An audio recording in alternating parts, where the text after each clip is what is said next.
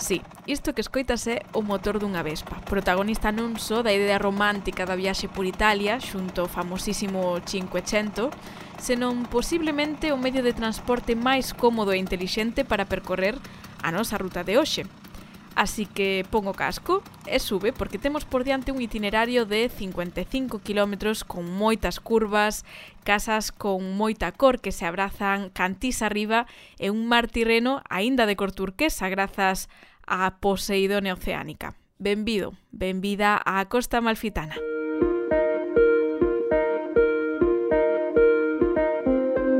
Moi boas, son Cristina Terceiro e isto é Viaxantas Podcast. Comezamos. Comezamos.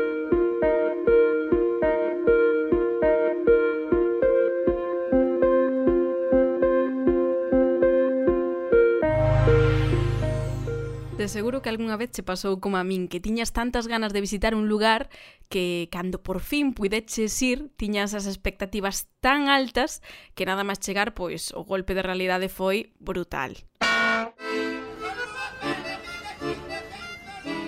Pois iso me aconteceu a min coa Costa Amalfitana, un lugar que protagoniza películas, series, que enche as nosas redes sociais de fotografías e de vídeos idílicos eh, que nos xeran estas expectativas tan altas. E claro, unha vez ali, pois non é ouro todo o que reloce, xa o dio o refrán.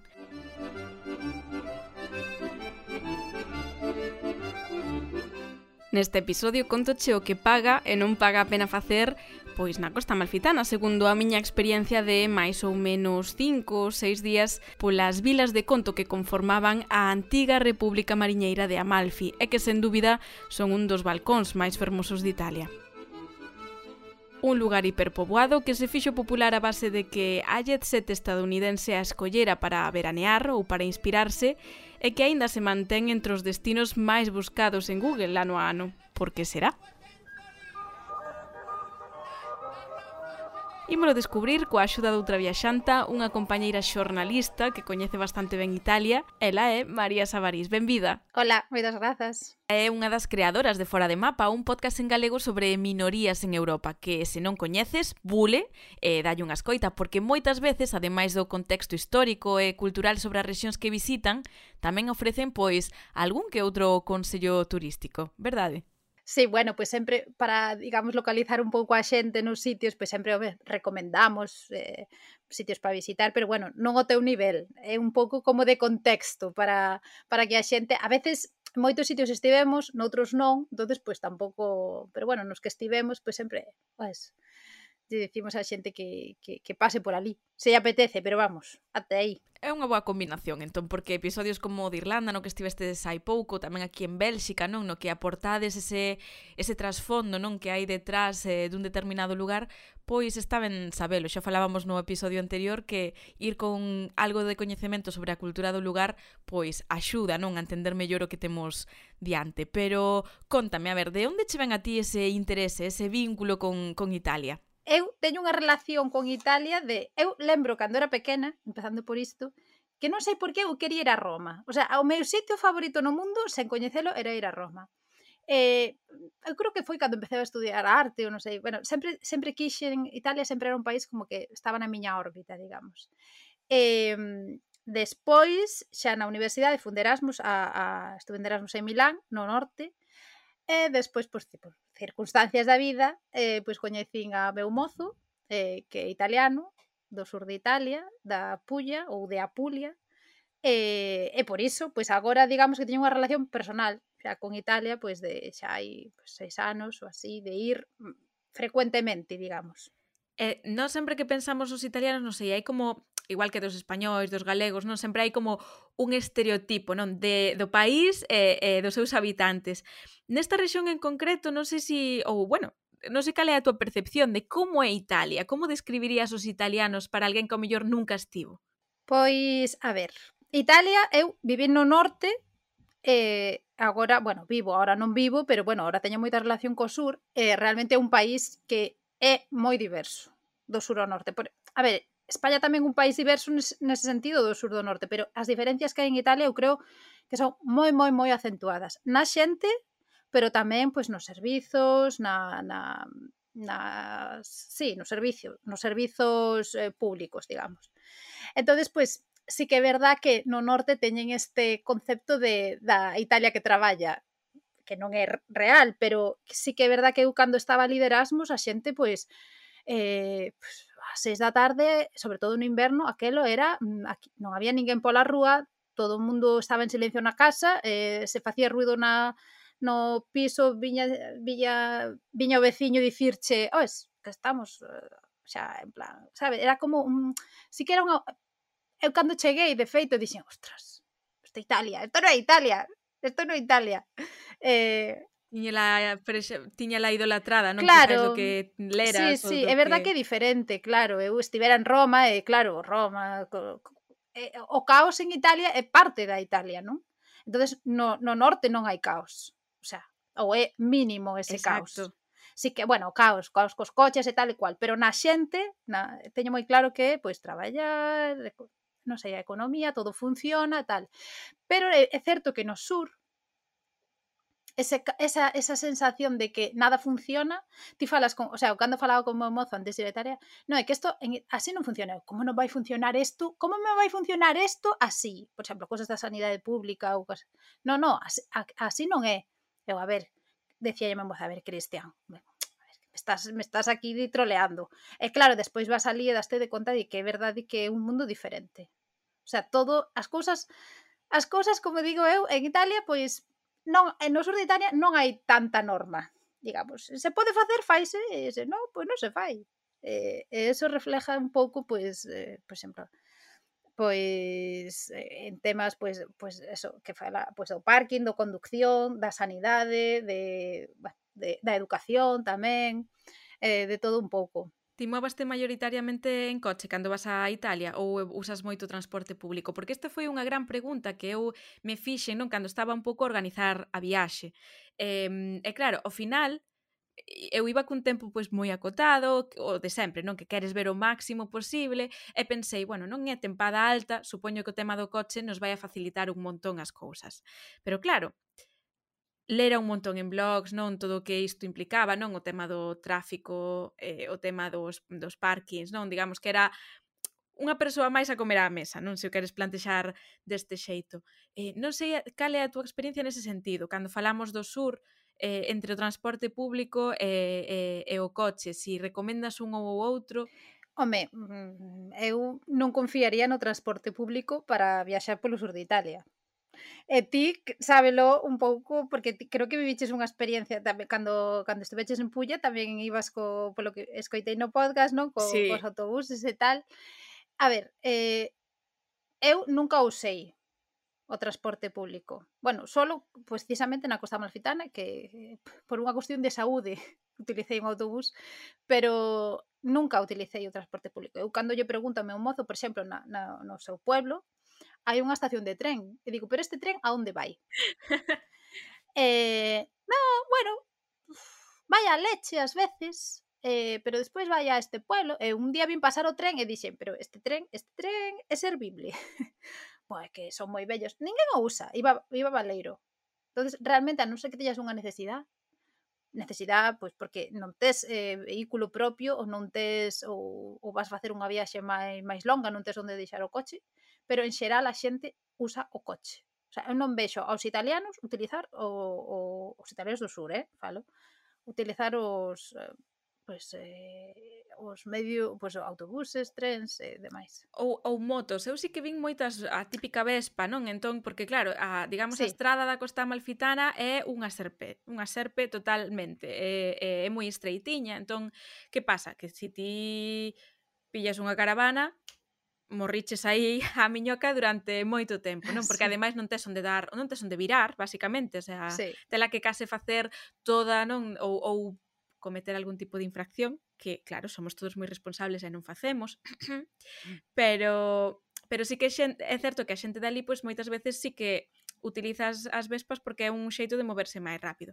Aínda así, aínda así, eu creo que a conducción eu considero que eu non lle teño ningún tipo de medo a, a conducir, síntome moi segura no coche, o sea, sempre non teño ningún problema en leválo case en ningunha circunstancia, eh, pero que aquí están tolos. O sea, eu de definiría como que menuda tolemia de xente que, quero decir, eu son rápida saindo no, nos cruces, eh, fago xiros no, no momento, o sea, non teño medo a reaccionar, pero que eles non teñen paciencia ningunha. É dicir, métense diante do, dos coches, saen sen mirar, se ti mm, tardas dous segundos porque...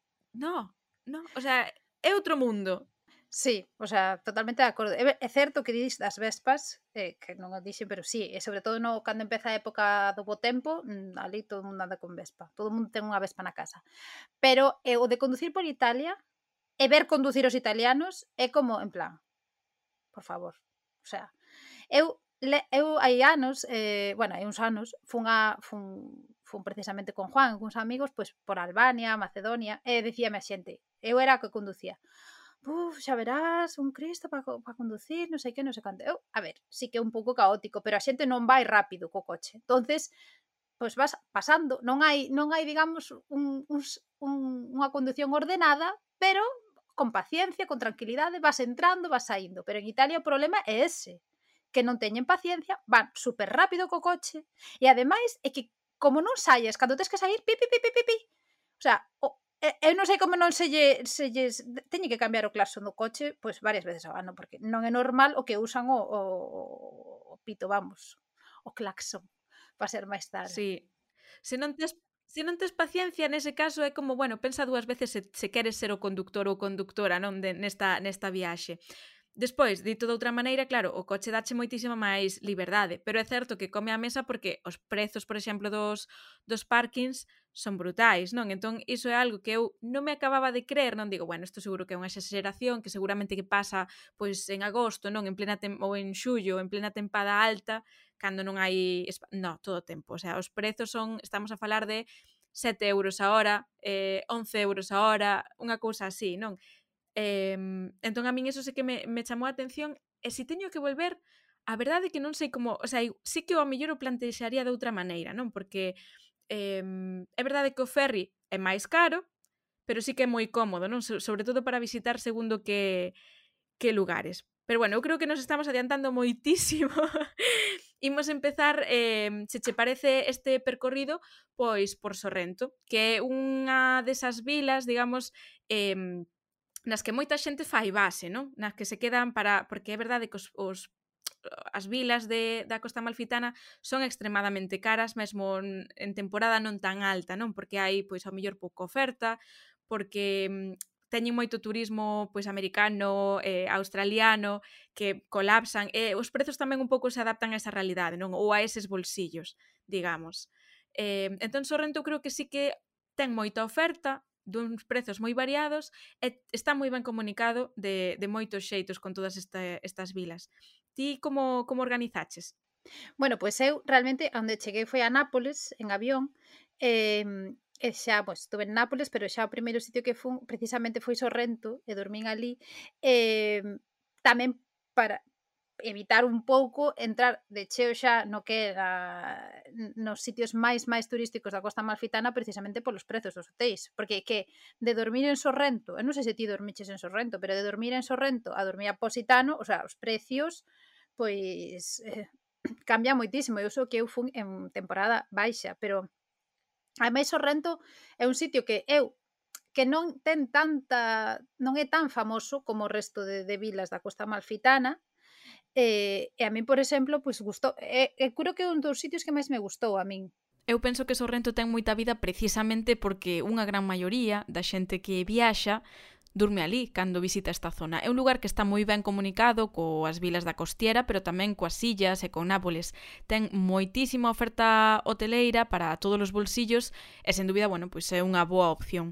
Que ten para ver? Pois, a ver, por exemplo, o centro histórico, que en canto cae a noite, pois se enche de xente. Non me gustou moito que esta zona, pois eh, xa ten case máis tendas de souvenirs e terrazas que vida local real, pero ainda así está ben dar unha volta e perderse por estas rúas estreitas. Podes mercar algo de coiro ou o típico limonchelo que ven precisamente desta, desta rexión ou a versión sen alcohol, non o granizado de limón que sempre senta ben, especialmente no verán cando a calor apreta. Despois está tamén a casa comunal que ten un pequeno xardín que sempre se enche ao caer o sol porque, bueno, pois ves como anoitece sobre o Golfo de Nápoles e, eh, e eh, coas illas tamén ao fondo co Vesubio que paga a pena. En xeral, todo o paseo eh, paga a pena porque ten unhas un caer do sol, a verdade, moi moi interesante, moi moi fermoso. Ah, polo menos para min que me que me gustan tanto pois as postas de sol. Dende ali tamén ves a marina, que é de onde normalmente saen os ferries, eh, podes baixar collendo un ascensor que che custará máis ou menos un euro, eu non faría. Hai opcións para baixar utilizando as escaleiras, eh, hai que mover un pouco o pompis, eh, facer algo de, de exercicio tamén, xa que estamos nesta zona. Pero bueno, se hai algún tipo de problema de mobilidade, que saibades que hai estes ascensores. Xusto a carón da comuna está o claustro de San Francisco, que é un dos monumentos máis antigos de Sorrento, do 1300, un lugar construído sobre os restos dun antigo mosteiro que me chamou a atención porque nese momento exhibía arte religiosa, eh, na miña humilde opinión amateur, pero bueno, quen sabe, eh, e no interior ademais teñen unha galería de fotografía privada que é moi peculiar, as vistas dende arriba non son tan eh, tolas, pero as fotos son mm, moi bonitas.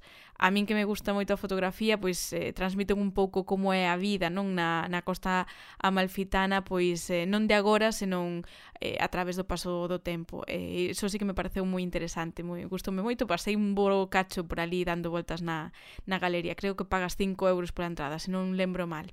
E despois está pois a Catedral de Sorrento, que parece bastante pequeniña, pero está moi ben preparada. Imaginadevos tamén que eu, pois eso, viaxei eh, na Semana Santa, entón aí, pois, Claro, eh, supoño que eh, todo o que son os edificios religiosos pois están un pouco eh, máis coidados. No interior de máis tiñan un Belén exposto que está aí todo o ano, eh, que é bastante grande. Os Beléns, a verdade, que lles gustou bastante. En Italia, en todos os eh, templos, había algunha representación. Pero imos a entrar na costiera, por fin. E a nosa primeira parada, se imos dende eh, Sorrento, pois ten que ser si ou si Positano, un dos lugares sobre os que eu tiña pois unhas expectativas máis altas e posiblemente tamén o que máis me decepcionou. Pasouche a ti, María? Pasoume, pasoume absolutamente. Por un lado, pasoume positivamente eh, da, de, da costa en sí. O sea, a, a costa, as vistas, a paisaxe, eso eh, mm, superou as miñas expectativas, teño que dicir. O sea, sí que imaginaba que era un sitio bonito, pero eh, gustoume máis do que, o sea, as vistas, e a, a paisaxe, e as rutas que hai, que xa falaremos e tal, gustarome moito, o sea, gustoume moito máis esa parte natural e paisaxística do que me esperaba. O que non me gustou tanto e que foi que un pouco pois desilusión foi a vida precisamente eh, pois, eh, non sei, nas vilas, na, na, esa sensación de, de, de, ta, de estar feita para o turista e que, claro, cando, sobre todo, pasoume sobre todo en Positano, que como foi nunha época que non había xente, o sea, realmente non había xente, notase que é un sitio que está feito por en no que viven, no, está feito para os turistas en no que non hai vida local. O sea, hai notas, e sabes, cando non hai turistas e de repente dis, pero aquí non hai nada. Pasa, ahora xa non pasa tanto, pero pasaba un pouco antes en Sanxenxo. Cando eu era pequena, ías a Sanxenxo na época de que non era eh, en inverno e non había absolutamente ninguén. Ahora ahora cambiou un pouco, non? Pero en Positano pasaba así. O sea, non hai vida, non hai, non ves ese, non sei, ese bullicio, esa, esa, esa vida local, que é un sitio pois moi bonito, pero eh, nese sentido quedei un pouco chafada pero as vistas son espectaculares. O sea, para min as vistas son espectaculares. Falase moito de que é como un balcón ao tirreno, non? En realidade, sí, son povos que medraron en pendente, cantís arriba, e por iso a moitos deles pois tes que acceder a través de escaleiras interminables, por un dos exemplos máis claros, así que vaite preparando para camiñar e subir, especialmente porque a aerografía é moi particular, en Positano, pois hai moitos hotéis que xa che din, non? Que mm, tes que ter en conta que hai un quilómetro mellor de escaleiras para acceder ao hotel ou tantos minutos de subida, un pouco para que te fagas unha idea do que iso implica non na, na vida do lugar.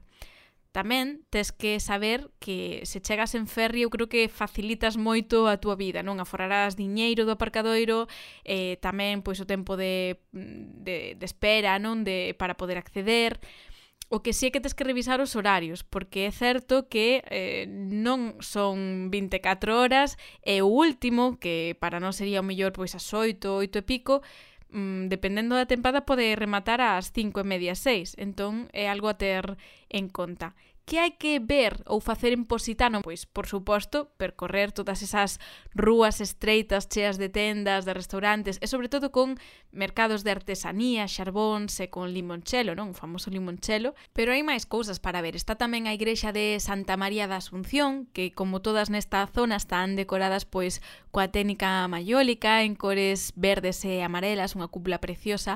E o templo ademais custodia unha imaxe bizantina cunha virxe negra que leva levaba pois o neno no ventre, e que se di que chegou a Positano alá polo século XII. Obviamente ten unha lenda detrás. A lenda di que cando o barco que transportaba a imaxe pasou a altura de Positano, por algunha extraña razón non puido continuar camiño. Uns din que polo estado do mar, aínda que parece ser facía bo tempo, a saber, quen sabe, e outros porque os mariñeiros escoitaron de repente unha voz que lles dicía detédevos, detédevos, e dende entón, por suposto, di a sabedoría popular que a Virxe foi a que pediu quedar nesta praia onde pouco despois se construiría a igrexa. Que hai ademais debaixo da igrexa? Pois os restos dunha antiga villa romana que aínda se pode visitar para gozar sobre todo pois dos frescos que se conservan. Imagina, frescos duns 2000 anos de antigüedade a maioría das fotos e de vídeos que ves nas redes sociais, as máis virais, están sacadas principalmente dos hotéis e restaurantes máis exclusivos de Positano. Así que, se ti queres copiar sen pagar, digamos, o a peaxe non de aluxarte ou comer nalgún destes lugares, terás que ser un pouco pícaro ou pícara para capturar esas instantáneas. E despois as praias xa che digo que non son nada do outro mundo, son praias de pedras, con moitos chiringuitos e tumbonas con servizo de bar, e supoño que dai veu un pouco en parte a miña decepción, non? O que case sempre paga a pena aquí son os sendeiros, non? En Positano está, por exemplo, dos namorados, que é un percorrido curto duns 10 minutiños e que basicamente conecta dúas praias, outra opción máis para gozar, non? Do horizonte eh, desa orografía pois tan característica que fixo famoso, pois que fixo famosa a Costa Malfitana eu, ao final, a sensación que me queda despois de visitar a Costa Amalfitana é que a xente que lle fai sendeirismo e que lle gusta pasear e que lle gusta disfrutar da natureza é un sitio xenial para iso. Se, se non, a outra opción é pois estar mm, tumbada na tumba, tumbada nunha tumbona na praia to, sí, porque tampouco son espectaculares as praias. Ao final non sabes un pouco A ver, os sitios son moi característicos porque ao final, como distís, son balcóns, todo, máis ou menos, sobre todo positano. Eh, un sitio, pois, supoño que cando hai moito bullicio, pois le, deixaste levar un pouco pola, non sei, polo ambiente, non? Pero ao final pesa máis, creo, o tema na natureza e, que, que outro. Imos seguir entón a nosa ruta e se consigues ver a entrada, pois rematarás en Praiano, un lugar de paso no que paga a pena que baixes a estirar as pernas e dar un paseo, un lugar onde deixarte guiar polas sinais de porcelana eh, e sobre todo pola vida local, non? Que especialmente vas a notar fronte á parroquia de San Luca, eh, unha igrexa dende a que tes unha boa vista eh, de Positano e onde vas a poder apreciar tamén pois esa técnica maiólica na, na cúpula, non?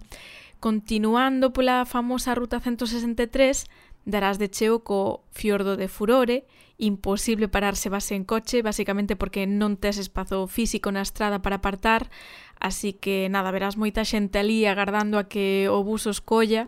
E ben, basicamente é unha lingua de mar que se mete na terra e que destaca porque está conectada cunha ponte e moitas barquiñas que o fan pois moi fotoxénico, non? E, é o que é. Así que imos seguir camiño ata dar coa Grota del Esmeraldo, un lugar que mm, case marcho sen ver porque é difícil de atopar sitio tamén para deixar o coche e cando por fin o logras sempre hai algún cascarrabias intentando sacar proveito e cobrarche aparcadoiro na vía pública. Algo que as autoridades pois deixan facer, se o ven pois obviamente bótano, Pero ben, como turista rematas por pagar, non sei, os dous euros eh, que che pide o señor, basicamente por non arriscar a que lle dé un bastonazo o, o coche. En fin, no noso caso a terceira foi a vencida e a verdade é que a grota é basicamente unha especie de piscina cuberta natural de auga salgada con paredes formadas por estalagmitas e estalactitas eh, famosa sobre todo porque é a única abertura que conecta a cova co exterior, ademais da entrada, está no fondo, así que por aí entra a escasa luz do sol que tingue dunha cor azul moi especial pois esa auga, non? A entrada inclúe un pequeno paseo en barca no que che van contando un pouco como se formou a cova, tamén as peculiaridades da mesma. Loque, loque, loque. Esmeral. Esmeraldini, Esmeraldón. Por que se chama das esmeraldas? Pois moi sinxelo, porque cando chapudas un pouco na auga, a sensación que dá é que están a caer esmeraldas ao teu carón. É unha visita bastante rápida, uns 20 minutos, que por suposto dependen das condicións do mar, non? Eh, pero está moi ben, eu creo que paga a pena eh, ademais o fondo ten sorpresa. Se te fixas podes atopar mesmo un Belén sumerxido ao que peregrinan buzos de toda Italia o día 25 de decembro para deixar pois ofrendas florais a carón do neno. É moi interesante, ademais eh, no noso caso o, digamos, barqueiro eh, era moi simpático, pasouse todo o tempo pois cantando, non? E, e facendo pois a visita moi interactiva e moi amena para un pouco pois para que te sentises eh, eh, eh, como na casa, non? E, e disfrutaras desa experiencia.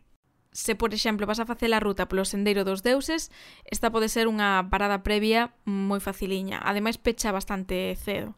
Así que nada, mm, aquí nos queda esa grota de lo esmeraldo.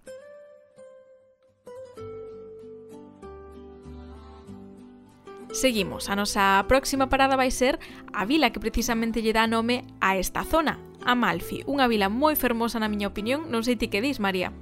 Concordo, absolutamente. De feito, eu quería ir á Costa Amalfitana por Positano. E, e cando, cando deixe, Eh, o sea, o meu percorrido foi Sorrento, Positano, a Amalfi. Claro, cando cheguei a Amalfi, lembro que lle xa me mostré. Bueno, por fin, por fin chegou a unha... A, bueno, Sorrento tamén me gustara, eh? pero por fin chegou a un sitio onde hai vida. Había un mercado, había xente facendo as cousas diarias da, da vila, que tampouco é unha vila moi grande, sí, é unha vila turística, hai moitos postos turísticos, pero a sensación que che queda é que hai vida, e, e, e hai, mm, eh, porque en Positano non había nin ese caos italiano. Despois a min en Amalfi o que me gustou é que polo menos pois ten unha parte histórica e ten, digamos, museos interesantes, como por exemplo, a min encantoume a experiencia do eh, Museo de Papel, non? Que che ensinan un pouco como se facía o papel o xeito amalfitano, non? Sí. Eh, que é moi curioso porque é feito como con, con algodón, entón é, pois, ideal para pinturas e para esta cousa. E eh, digamos como que é algo diferente que che rompe un pouquiño pois esa sensación de que estás facendo unha ruta que non ten nada no medio, digamos nada de sí. cultura ou de historia que che poida que che poida aportar. Sí. Eh, e outra, por exemplo, que a min me gustou moito foi a a catedral, ¿no? Sí, sí, me sí, pareceu sí. brutal.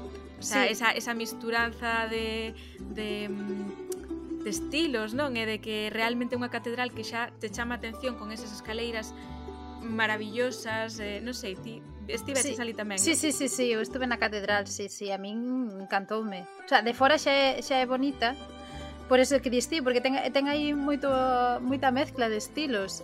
Eh, eh, esa, esa, ese, esa mezcla características de cores, de, de como de arrayas, non? De, lévate Branco, un pouco a eh. pensar, eh. lévate un pouco a pensar en un estilo pois eh mesmo árabe, non? Como nunha conexión así máis arabesca, porque pois iso, son é unha escalinata enorme, ten uns arcos, este é a Catedral de San Andrés e despois ti entras e ten eh, unha especie de eh, pois é como un museo, non é? A entrada ao museo é a través dunha especie de, de patio interior. Sí. Por suposto, pagas entrada e demais, e dentro pois hai o típico pois obras de arte, eh, teñen as famosas criptas, non? Que son tan espectaculares. Eh, e despois xa entras á, á igrexa que tamén chama un pouco a atención, pero igual menos. Digo, creo que o máis espectacular é esa vista exterior que está rodeada, por suposto, de terrazas onde a xente pois eh, pode tomar un café ou comer ou o sí, que sexa. Sí, sí, sí. Sí, é verdad que eh, ten un estilo. Eu creo que chamase así, como un árabe siciliano, non sei moi ben como se chama ese estilo, pero pero eh, sí, é moi característico. E dentro a min eh, lembro que visitei unha parte que era, o sea, o que diste a igrexa en sí, a mellor non é espectacular, pero todo o anterior sí que merece a pena. Eh, eh, sale un pouco de, de pues sí, do que estás, do que esperas, non? Da, da Costa Malfitana, de todo a, a min eu recomendo realmente visitala Voume deter un pouco máis en Amalfi, non? Esa vila que é patrimonio da humanidade e que visitan anualmente pois miles de turistas. Se escoitas habitualmente o podcast xa sabes que a mí me gustan especialmente as historias, así que vouche contar unha.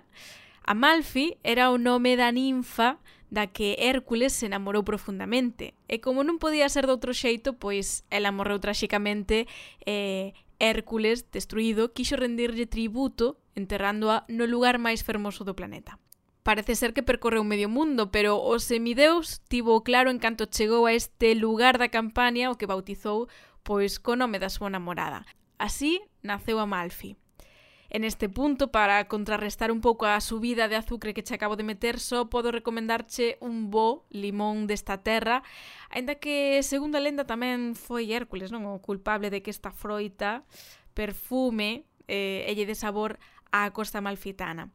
Eu quedei parva co tamaño deses limóns, impresionantes. Se os ve miña boa xa vos digo que mm, alucina.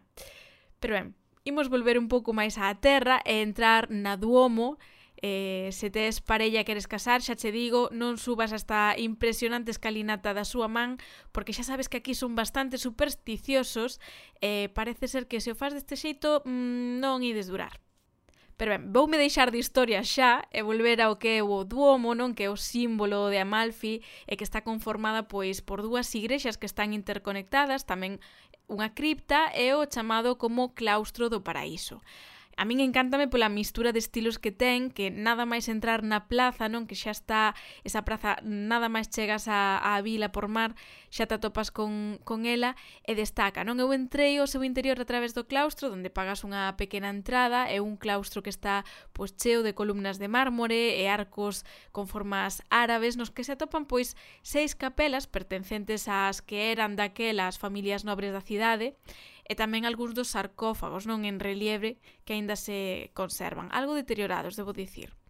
Despois entras ao que sería a Basílica do Crucifixo, que data de comezos da Idade Media e que conserva pois moitos frescos, a verdade. Son obras da época gótica, tamén algún mosaico, é como unha especie de sala de exposicións con moitos obxetos relixiosos que demostran un pouco pois o poder económico da vila, non? Un poder económico que tiña moito que ver coa produción dese papel, non? Eh, do que falábamos ao, ao comezo desta sección. Dende a Basílica xa podes acceder directamente á cripta, que ten un estilo moi similar ao da Catedral de Salerno, onde repousan pois os restos de San Andrés traídos parece ser directamente dende Constantinopla. E no seu interior a verdade é que hai varias estatuas de bronce, chaman bastante a atención tamén de mármore, e tamén un fresco que representa un pouco a chegada do corpo non do santo ata esta zona, ata Malfi, e onde se aprecia un pouco como era a antiga igrexa romano-bizantina, non? A única mostra que queda. Din que hai unha especie de milagre que pasa pois repetidamente de cando en vez e é que a, digamos, a tumba do santo mm, solta unha especie de mm, aceite mm, en determinadas épocas do ano. Non se sabe moi ben por que, ah, pois obviamente pois prefiren decir que, que é un milagre. E despois, por suposto, a Malfi é cuestión de mm, pateala, e camiñar, e ver o que hai, e, ir a entrar nas súas tendas, nos restaurantes, e, a verdade que ten miradores moi bonitos, as praias tamén, que non son cousa de outro mundo, pero bueno, non está mal. É un lugar que a verdade paga a pena e que ten moitísima vida. Así que se tes a opción de quedarte ali algunha noite, pois quen sabe, igual o disfrutas de outro xeito. A Carón de Amalfi case unidos está a Trani, que eh? é o pobo máis pequeno de Italia en extensión, menos dun kilómetro cadrado. Literalmente, unha praia e algo de terreo gañado o acantilado, non ten máis. Acceder é case un misterio, porque a entrada está xusto despois dun túnel e basicamente pois hai como un semáforo, entón é, é difícil, digamos, vela, non? Ou, ou polo menos entender que tens que entrar por ali. E, e nada, vive basicamente de xente de paso que se achega a tomar un café na praza principal ou que vai á praia, xeralmente xente que xa está en Amalfi e que entón pois vai camiñando. E nada, é bonito, pero sen máis. Creo que ti tes un poquinho máis de relación con Maior e Minori, non? Sí, en Minori e en Maiori sí que estiven, eh, pero é un pouco esta idea que dis ti. Son povos que ao final pois teñen unha praia, eh, nestes no caso do minoría e maiores, se mal non me lembro, tampouco hai esta xa é na parte como máis baixa, non? Da, da costa xa non hai esta esta, esta escaleira, o sea, os povos son máis... Hai nas partes, digamos, na parte, na parte posterior, digamos, como que a estrada está moito Pode máis ser, altura sí. do nivel do mar, non é o mesmo, non é o caso, sabes, como en Positano, Pero sí, sí que na parte, digamos, máis afastada da costa eh, hai moitísimos hotéis que, que collen vantaxe diso para poñerse, non? Eh, que teñas como vistas dende, dende arriba. A mí mm. pasoume en Maiori, que me pareceu un lugar tamén moi cómodo, con prezos moito máis asequibles, que está moi ben conectado cos outras localidades, eh, ten unha cousa que me gustou moito, que é que Maiori e Minori conéctanse por un sendeiro chamado el, eh, o Sendeiro dos Limóns, porque basicamente ti vas paseando entre limoeiros, que digamos mm. é un dos produtos estrela, non? Con ese sí, sí, sí. teñen un montón de doces feitos a partir do, do limón e sobre todo, seguramente que moita xente eh, probou o famoso limonchelo, non? Que vende en particular de, de Sorrento, Sí, eh, sí. E esa, esa actividade pareceume como moi interesante, un xeito de percorrer os dous eh, lugares, paseando, vendo vistas interesantes, vendo un pouquiño máis como pois, como vive a xente dali, non? Sí, sí, sí, totalmente. Eh, que, que non tes, pois, o que decías ti, non? No, nas, nos lugares, pois, máis eh, centrificados. Eh, E, e eh, nada, iso pareceume moi interesante. Prezos moito máis asequibles, oferta tamén de, de restaurantes, público tamén xa ves un pouco a diferenza, non? Dos que van buscando pois algo máis económico, mellor en familia, con amigos, grupos grandes. Entón creo que, sí. que é un lugar que ofrece moito e que está moi ben conectado. Sí, eu concordo. A mí maior e gustoume moito. Ademais, comín ali, eh, dimos un paseo moi agradable. Eh, sí, sí, sí. E iso... Teñen un paseo ademais moi grande, si, sí, de sí. O, o, todo lado da casta, é dicir, o que é a praia aí xa é moito máis eh, ampla. Sí. Pero, por exemplo, en Minori sí que a mí me parece eh, relevante. Hai unhas ruínas romanas que son moi interesantes eh, que vos convido que, que visitedes. Eu, cando fun, estaban pechados porque estaban xa como Eh, é un lugar moi pequeniño, eh, pero a verdade é que, xa digo, mm, son moi amables, todo o mundo como moi hospitalario. Eh, lembro que cando chegamos estaban Por un lado, vendo como equipo local todos xuntos baixo unha carpa, que eso chamou má atención. Estaba, debía xogar o equipo, sabes, o ah, fútbol, ah, sí. e estaban todos como cantando os goles debaixo dunha carpa. E, e, e por outro lado, a outra parte da poboación estaba na igrexa coas eh, celebracións da Semana Santa, como cos mm. preparativos, mm. sabes? E entón chamoume moito a atención esa dicotomía entre fútbol e igrexa, non? Que, que define un pouco bastante ben sí. a, a rexión, non?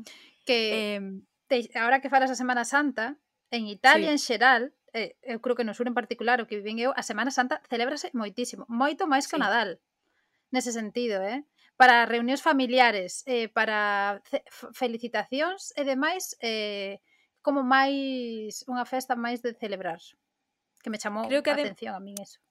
Creo que ademais son moitísimo máis respetuosos coa tradición, no sentido de que, eh, por exemplo, chamoume a atención que eh, apagasen as luces das vilas mentres estaba a celebrarse pois as misas ah. de noite, non? eh, da, da Semana Santa, nos días centrais da Semana Santa, que iso me pareceu como moi chamativo. Eh, imaginadevos estar ceando eh, en Santiago, no Casco Bello, e que de repente toda a iluminación do lugar sabes, eh, se apague como en sinal de respeto. Anda. Principio pensei que era o ambiente, sabes, eh, de que, pois, pues, o que sei, será así a vila, sabes, non sei. Eh, pero non, porque despois saías de cear xa acabara, digamos, o, as misas e as celebracións eh, religiosas, eh, volvía a estar todo iluminado como, como normal. Entón, iso pareceume como pois sí que hai como un respeto, non? Polo momento das procesións e polo momento do, do, do acto, digamos, litúrxico. Pois pues eso non sabía, pero sí, en xeral, vive moito sí. esa Semana Santa. E despois, eu creo que a xoia da corona para min é Ravelo. Non sei ti que opinas. Sí, a min, a min gustoume moito. Gustoume moito, eh, foi un autobús que mm, pensei que non sairía desa ruta de autobús que iba, iba a morir eh, nun autobús urbano, digamos pero que collen de, de Atrani, Ravelo. Eh, sí, sí, a min eh, pareceme claro, hai unhas vistas, aí sí que as vistas son espectaculares, vistas que tes que pagar, bueno, eu, tuve, eh, eu non sei cando foches ti, pero cando fun eu para ver... Ai, hai que pagar, hai que pagar. Nos dous casos hai que pagar. Nos dous casos hai que pagar, non, ma, non me lembro moito, pero o millor 10 euros cada pues eu, un, unha cousa así, non? Paguei 7 porque xusto teño estaba mira, mirando a, a eu nas guías, na guía de turista, na guía turística sempre meto os recibos dos, bueno, os tickets de cando bucear ou tal, e xusto tiña o ticket metido do de, de Ravelo, da zona da, o sea, do, como se chama? balcón das esculturas ou non me lembro moi ben. Todo, terraza al infinito, que soa terraza moito máis bueno, poético. Sí, que haya, sí, terraza al infinito, que realmente eh, pues, tache un pouco hasta de vértigo asomarte á terraza. Pero ves, eu creo que polo menos aí non engana, no sentido de que realmente o que ti esperas Eh, o sea, o que, sí, o que ti ves totalmente. supera as expectativas do que, do que tiñas idea, non? Entón creo que sí. sí que é un lugar no que tes que pasar tempo. Os dous lugares, esas dúas, son vilas, basicamente, son eh, casas señoriais, non? Que, que antigamente pois eh, estarían habitadas por señores da época, eh, algunhas incluso unha delas mesmo acolleu a estrelas, non digamos de, de Hollywood, de persoeiros, digamos, coñecidos, eh, precisamente por esas vi vistas tan eh, espectaculares. Eh, eu sí. debo dicir que nese lugar eh, volvín, eh, porque fun pola tarde, dou meu tempo solamente a ver un dos lugares, son é un lugar no que a xente non se queda de noite, entón, eh, claro, ten moita vida de restaurantes, de cafeterías e de iso pola mañá, sabes, claro. como para comer e demais. Pero, non sei, ti como lembras a, a, a experiencia de entrar? Eh, eh, pero ti foches en coche? Eu fun en coche porque xa che dixen que eu atrevíme con todo eh, e sobreviví. Pero mira que, mira que eu iba cun italiano, eh? E nin el dixo, no, no, vamos ir no autobús, aquí público, local, Fun, fun, fun. Debo dicir que pasei un pouco mal nesas zonas nas que había unha especie de semáforo. Se supón que o semáforo che indicaba cando tiñas que pasar porque senón miñan coches de frente, non? O sea, que imaginade vos o estreito que era. Eh, de repente, vale, eu non me saltei o semáforo, eu seguín o semáforo, pasei cando estaba en verde, de repente viñan coches de frente, motos de frente, vale? O sea, ¡ah! Xa. Sí. sí. A nos, a nos, eu creo que fomos porque recomendáranos no hotel que nos dixeron, va, eh, a mellor, é mellor que vayades ah, co autobús, tal, bueno, hai un autobús que, porque de, hai moita xente realmente que chamou a atención, era xente local que iba, eh, pois pues, a mellor xente que traballa ou sí, po, podería ser xente que traballaba porque era pois xente nova e tal, e iba pois eh, pois a fa, a mellor vivían a Trani e iba a traballar a Ravelo e, un autobús, pero bueno, non sei, o sea, mi enhorabuena por ir co coche, porque vamos, eu no autobús iba sufrindo. Vía autobús, claro, eh, claro, cando vas no autobús, cando xira autobús ti non ves nada, ti, tú ves el vacío allí. eu pasei no realmente pasei no mal no autobús, o sea que non, que mellor no coche non. Pero eu levei no ben, mm salvo por eses momentos nos que digo, que coño, perdón, que mm, fai sí. este vindo en dirección contraria cando me toca a min.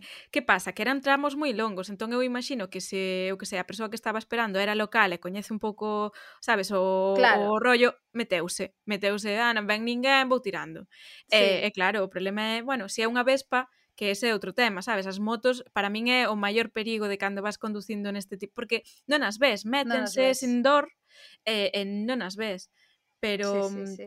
pero non me pareceu tan tan tan difícil, digamos. Eh, leveino bastante ben, a verdade.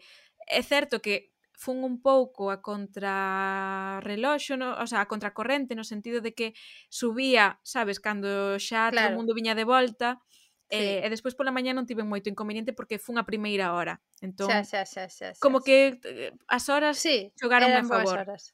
Sí. sí, sí, sí.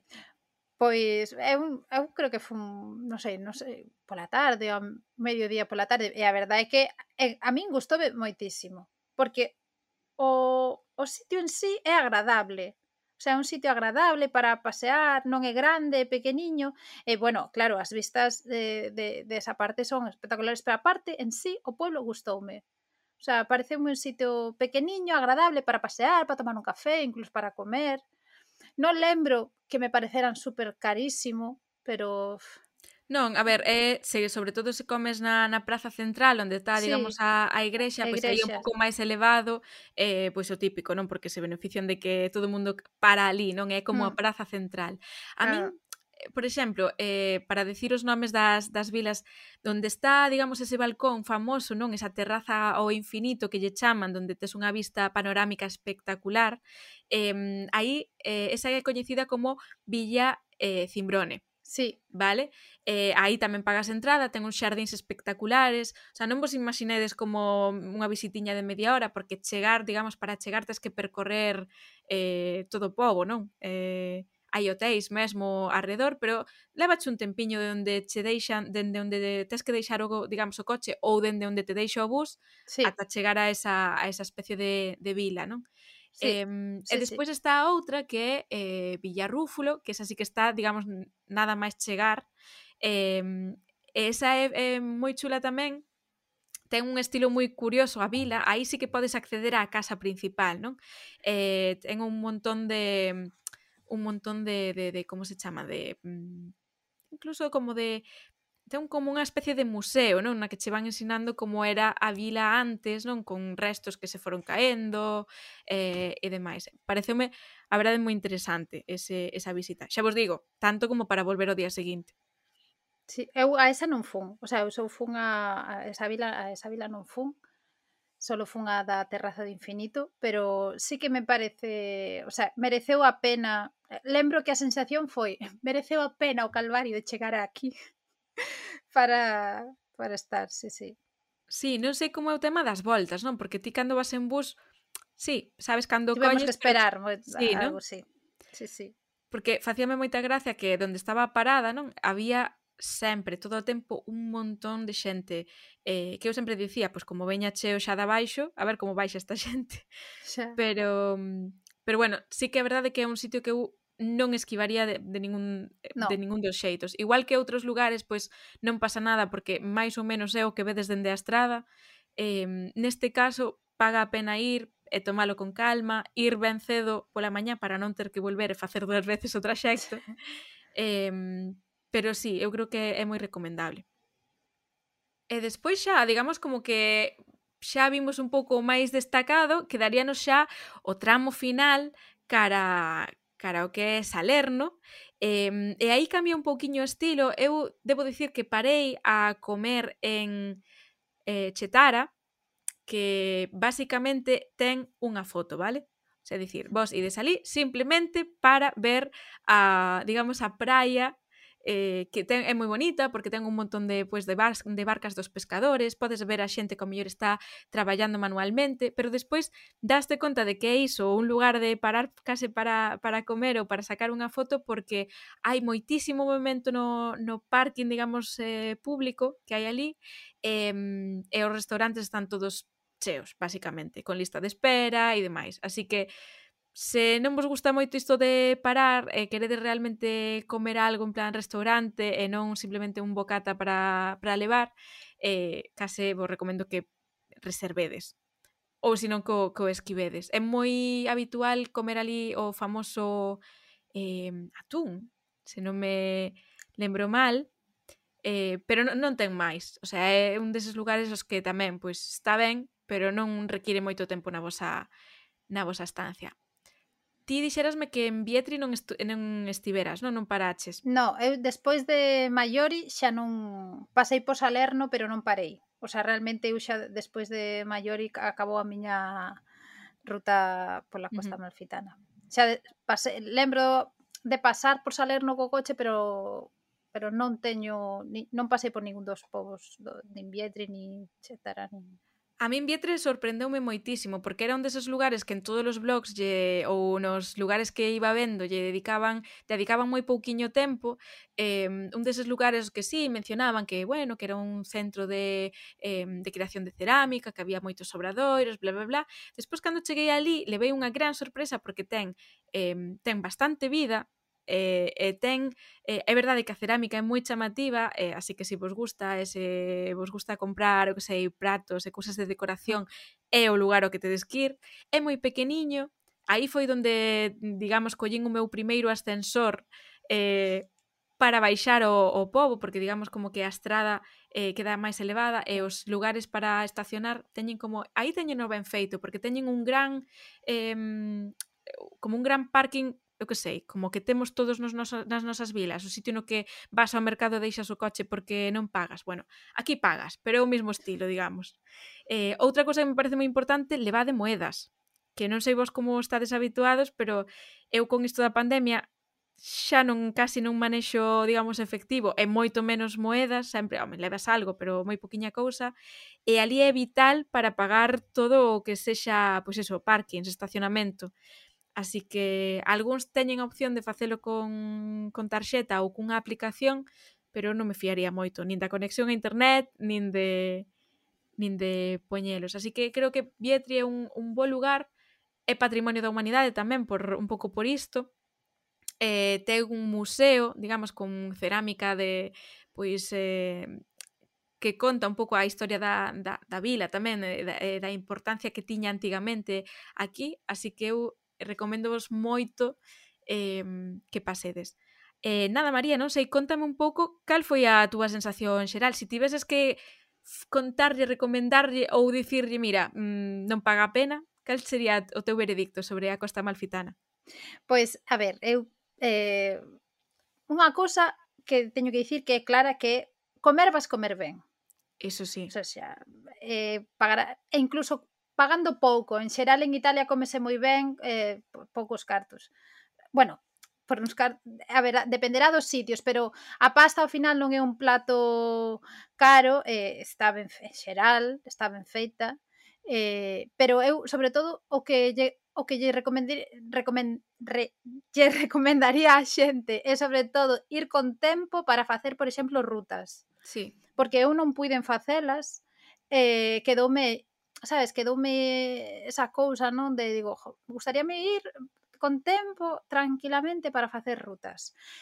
Por, por suposto non ir en verán, o sea, non ir en verán, eh, evitar as evitar as tempadas altas por so, non xa porque hai moita xente nos sitios, senón pola polo transporte, por para moverse, porque é que é, contábanos a xente que un pouco que, que, que dicías ti, contaba a xente dos locais, non? dos hoteles que estábamos que que non se pode, que, que non te podes mover co coche. O sea, que podes estar unha hora sen moverte un milímetro nas estradas. E eh, ademais o alugueiro se base con coche, o alugueiro moi caro.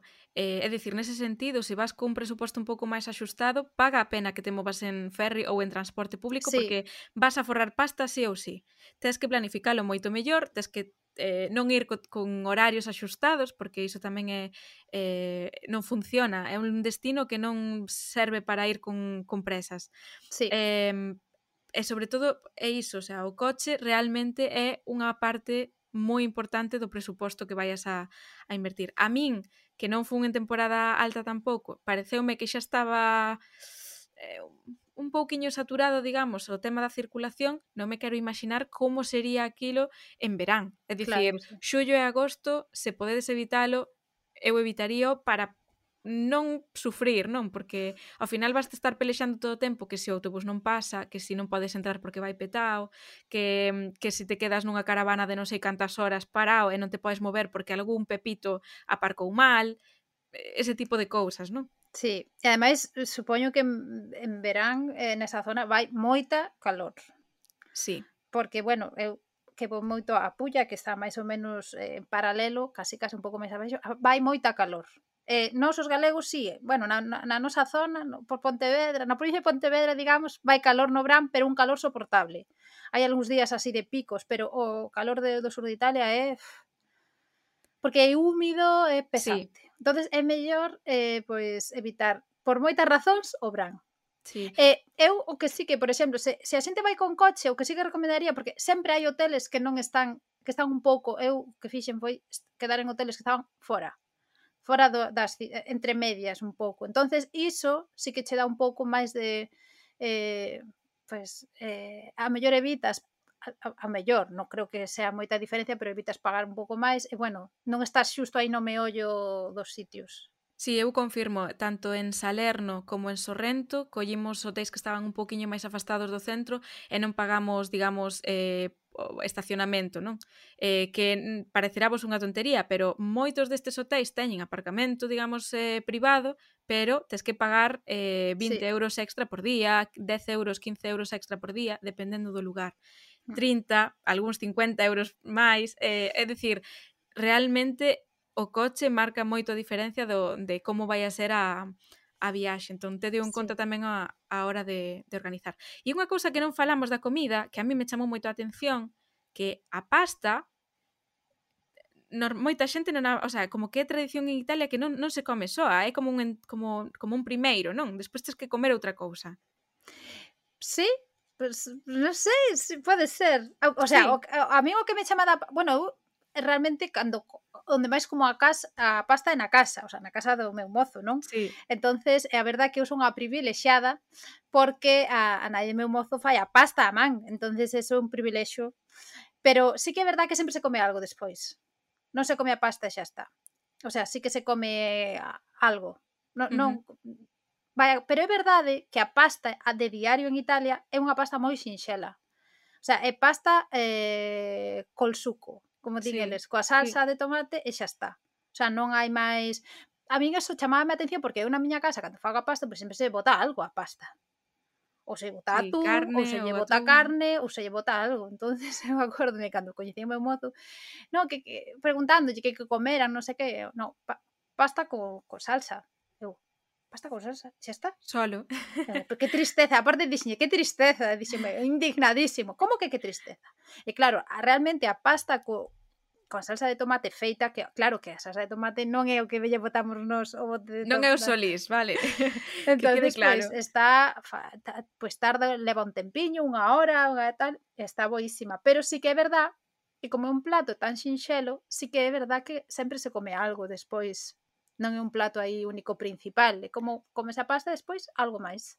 Sí, a min chamou a atención iso que me dicía, pero só iso, iso é un entrante. Eu como, bueno, é que pasta, é que a pasta, jolín, é pesada, non? Eu a sensación que teño sempre cando comes un bo prato de, de pasta como que quedas eh, saciado, non? Sí. Eh, eles como que, eso, non sei, foi algo que me, que me chamou a atención e que non me agardaba hai que da pasta tes que facer outro programa, porque Verdade. Outro, porque é unha religión. O do tema da pasta é aprendes a, a ver que é unha religión, o sea, hai, hai, a pasta son uns gramos de pasta, a ver, eu lembro que na miña casa nunca na vida se pesou a pasta. Non é que Verdade. se pesara, é sí, que... Sí, sí, sí, eso é, o sea... pero, pero ademais levan no fatal os italianos, eh, o de... Sí, sí Isto é matemático, é como café. Eu creo que pasta e café dan para outro viaxantas sí, sí, sí, sí. máis detallado, porque de, o xeito que te teñen eles de facer o café, eu creo que van a España e dalles un, eh, un ataque ao corazón, eu que sei. Dalles, si non... dalles. Sí, non sí, sei, sí. eu creo que é moi interesante e bueno, eh, pero bueno, tamén afortunadamente por iso nos gusta cando cando imos ali, non? E nos sorprenden os sabores, é, é un pouco sí. eh, interesante iso. É unha cousa, se me deixas dicir, que sempre o sur de Italia ten unha conexión moi moi moi moi rara con Galicia porque come, comen unha cousa, o sea, teñen grelos. Grilos, non? Grilos se chaman. No, no, bueno, non sei, ao mellor chamanlle tamén. Eu coñezo o eh, chimidirrape ou o friarieli que a maior, se vedes algunha vez nalgún sitio, bueno, na zona esta, na zona na zona da Malfi e tal, creo que chaman Friarieli, pero na zona de Mombozo chamanlle Rapa. E de fe, eh, de rape. E de fe, de fe de, de feito, o plato típico desa zona é orequiete con cime di rape. O sea, oh. é como se come unha eh, pasta con grelos. O sea, é que son grelos. Ti cómelos e di, estou comendo grelos. O sea, o sabor é o dos grelos. É, é unha cosa que me flipou. Non me podo creer. Este convento min... Grelos no sur de Italia. A min iso contaronmo na Argentina, cando eu preguntaba por, por grelos, onde se podría conseguir e tal, dicíame, ah, no, pero iso é mellor que vayas a tendas italianas, porque eles sí que os, digamos, os, os digamos, importaron cara, cara a Argentina cando viaxaron. Entón, pues... eu lembro que ali lle dicían grilos ou Pode algo así. Pode ser, porque ten varios pero a mellor, nomes. É, o que é moi similar. Como hai tanta variedade tamén de, de jolín, como pois pasa en España, non de xeitos ou en Galicia mesmo, xeitos diferentes de chamar, eh, pois seguramente que é dependendo da rexión. Pero sí, xa sí. sabedes, se si vos apetece unha versión diferente, digamos, de un prato diferente cos, cos grelos, sí. eh, é, un, é un bo destino, que ademais é que a pasta non ten color, o sea... Sí, é certo. Pasta e pizza non teñen color en calquera outro lugar, digamos, de, de, de con no. España xa nin, nin que falar, pero mesmo aquí en Bélxica que hai un montón de italianos eh, de Argentina xa non falo porque en Argentina reinventaron a cociña italiana, claro, por vale? Supuesto. Eh, Fixeron eh, unha reinvención eh, da pasta, da pizza e de todo. Non existe para nada, digamos, o, o que sería, digamos, a pasta tal e como a fan os italianos, así que se ides algún día eh, non vos extrañedes. E nada, moitísimas grazas. Eu non sei se nos quedou así algo máis no quinteiro, pero foi un placer poder falar contigo e eh, descubrir un pouco pois esta parte da, da costa malfitana que, que bueno, pois a mí me deixou con esa sensación de sí, pero non realidade versus expectativas así un pouco ah, sí. pero, pero que bueno, que igualmente eu creo que hai que ver porque sí que ten cousas moi fermosas, sobre todo esa parte natural, e despois o outro queda como un pouco pa, para recordo, como anécdotas, non? Para que cando lle contemos eh, a nosa viaxe a alguén máis, eh, pois botemos unhas risas. Sí. Pois nada, moitas grazas a ti foi un placer esta conversa, pasouseme o tempo super rápido. Eh, eh, a verdade é que concordo contigo. O sea, creo que hai un sitio, é un sitio ao que hai que ir, porque as, é un sitio espectacular eh, paisaxísticamente, pero é certo que, por exemplo, a min gustaríame volver, pero para centrar con tempo e para centrarme máis nesa parte de facer rutas, eh, sendeiros, non tanto pola parte, digamos, eh, pola fachada, non? Que, Exactamente. Que se, se, Xa ves que a Costa Malfitana ten un pouco de todo eh, para todos os petos. Eu teño que confesar que agora, que me pasou un pouco a decepción dos primeiros días, e que tiven tamén que botar a vista atrás para pensar pois nos imprescindibles da viaxe, no que pagou a pena e no que non, teño que dicir que o balance foi igualmente positivo que como en todos os puntos turísticos masificados, pois hai aspectos que non nos gustan, pero que o xogo das expectativas, pois eu creo que tamén aquí xogou na miña contra, non? Eh, se teño que darche algún consello, primeiro esquece ver todo nun día. A costa malfitana é para gozala, dalle tres ou catro días sen rechistar, porque hai moito que facer. O sea, fun bastante tempo e ainda así, pois quedaronme cousas no quinteiro.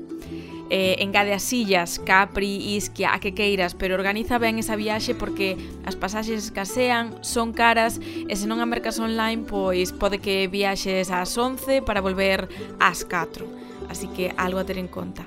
E terceiro, fai algún dos roteiros que ofrece a zona, non? Esa conexión coa natureza da que tanto falamos ao longo deste episodio non ten prezo, é verdade que é moi recomendable.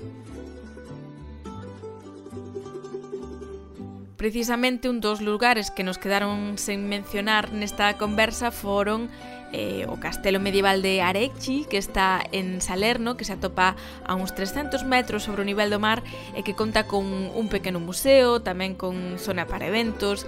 Dende ali admira Salerno e a contorna a vista de Paxaro e basicamente é o punto de entrada pois á costa amalfitana dende o sur.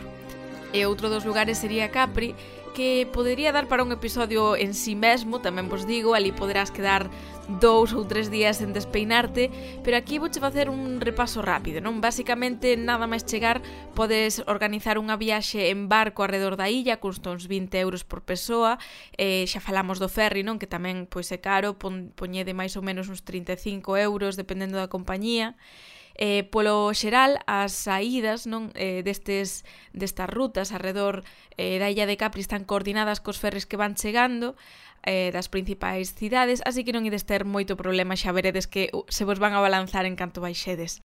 Nesa viaxe dunhas dúas horas poderás admirar os famosos faraglioni, eh, mesmo atravesalos, non? Son eses penedos cos que todos identificamos Capri e que vemos nas redes sociais. E tamén está a famosa Gruta Azul, esa grota churra, unha maravilla, se vos lembrades do que falamos antes, non desa grota de lo Esmeraldo, ben, esta é outro nivel aínda moito máis avanzado. Eh, eu creo que é importante saber que mm, a entrada non está incluída, eh, digamos, nese tour arredor, entón Basicamente chegas ao medio da nada e hai un barco que che vai cobrando pois unha entrada adicional, son uns 14 euros máis ou menos. Despois hai unha morea de barqueiros que tamén che piden propina polo seu traballo, xa que aparentemente non está incluído na entrada da cova. E cal é a peculiaridade deste lugar? Pois que non se pode acceder dun xeito normal, senón que tens que facelo tumbado nestas barcas por un pequeno orificio minúsculo, cando a marea o permite, e isto fai que o interior da cova sexa dun azul eléctrico increíble.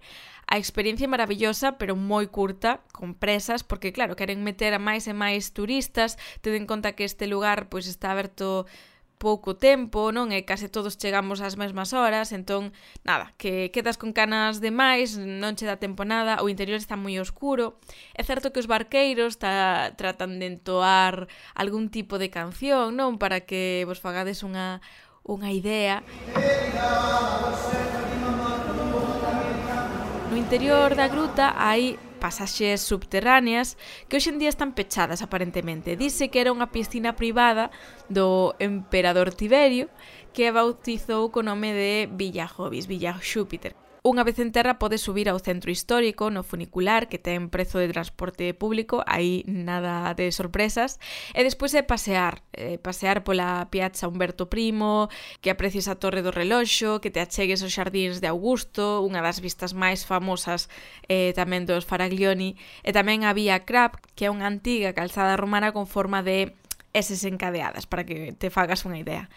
A mí non me deu tempo a moito máis, pero do outro lado da illa está Anacapri, con impoñentes miradoiros e villas como a de San Mixel, ou a Casa Rosa, ou, non sei, faros como de Punta a Carena.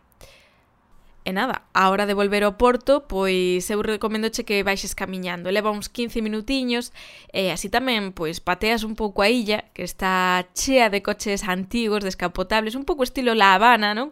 E basicamente son taxis que levan os turistas pois á parte alta da illa, aos hotéis, a Anacapri. Outra illa recomendable, Isquia, que está pois tamén no Golfo de Nápoles, co seu característico castelo aragonés, non construído sobre un peñón. Eu non estiven, así que non podo falar moito, pero sen dúbida outro dos lugares característicos, non desta rexión da Campaña. E así, como a quen non quere a cousa, chegamos ao final. Con este episodio imos facer unha pequena parada estival en viaxantas para cargar baterías, coñecer novos países e contarvos todo con pelos e sinais a partires do outono. Hai trato. Lembra que a actividade non para nas nosas redes sociais, especialmente no Twitter ou en Instagram, Eh, contanos, que vas facer ti este verán? Sempre temos ganas de coñecer novos recunchos, especialmente en Galicia, así que non deixes de etiquetarnos en calquera destino. Quen sabe se nos próximos meses será un dos protagonistas do noso podcast.